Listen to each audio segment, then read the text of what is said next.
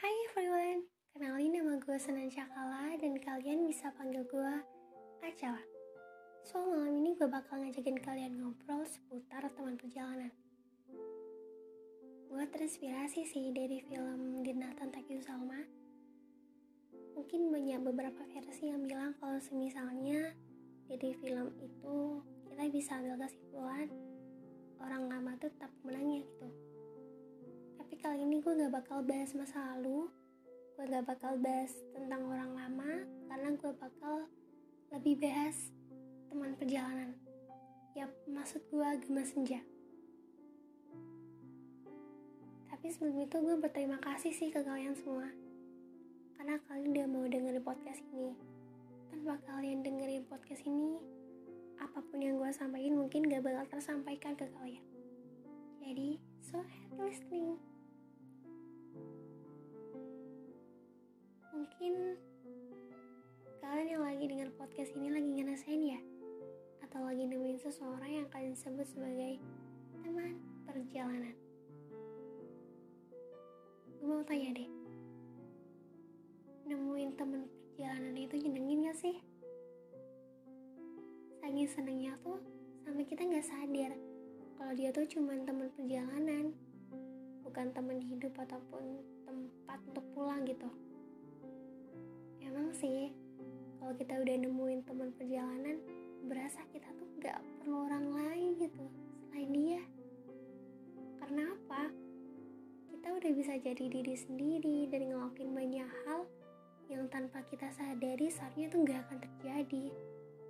Kita gila-gilaan bareng, kita seru-seruan bareng, tanpa ada jaga image sedikit pun. Wajah yang lusuh, keringat yang bau, bahkan suara sendawa yang sekiranya nggak harus dikeluarin, malah tanpa sengaja keluar sendiri deh. Semenyenangkan itu nggak sih bertemu dengan teman perjalanan? Sementara diri sendiri juga harus membatasi dong dengan hal-hal seperti itu selain untuk menjaga hati dan menjaga dia yang menjadi tempat pulang kita. Ya kalau misalnya udah punya pacar sih, kalau belum mau dilanjutin jadi teman hidup juga nggak apa-apa. It's okay. Sama teman perjalanan itu apa pun yang dibahas, apa pun yang diobrolin pasti selalu nyambung. Obrolannya nggak pernah putus sampai ngerasa dari salah satu kita itu ada yang haus mungkin gara-gara oversharing sih satu visi satu misi satu tujuan padahal kan kita baru ketemu. Atau bahkan Tuhan sengaja mempertemukan kita di satu ruang yang mungkin hanya menjadi kenangan pembelajaran. I don't know. Ya karena kita juga punya rumah masing-masing kan? Sejauh apa pun kita menemukan teman perjalanan, tetap teman hiduplah tempat pulang kita.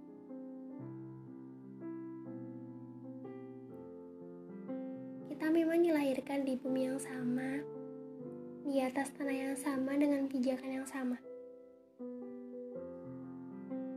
Sengaja, Tuhan mempertemukan kita hanya sebagai kenangan atau mungkin pembelajaran. Terkadang, Memang setuju itu sih. Hidup di dunia dengan populasi beribu manusia, dengan karakter yang berbeda, dengan sifat yang berbeda, dengan rupa yang berbeda, dan tanpa kita sadari mereka pernah loh menjadi bagian dari kita, menjadi bagian dari kepingan kenangan kita.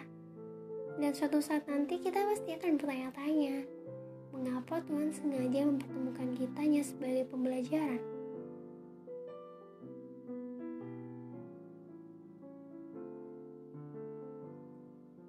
Dari film Lina tentang You Salma.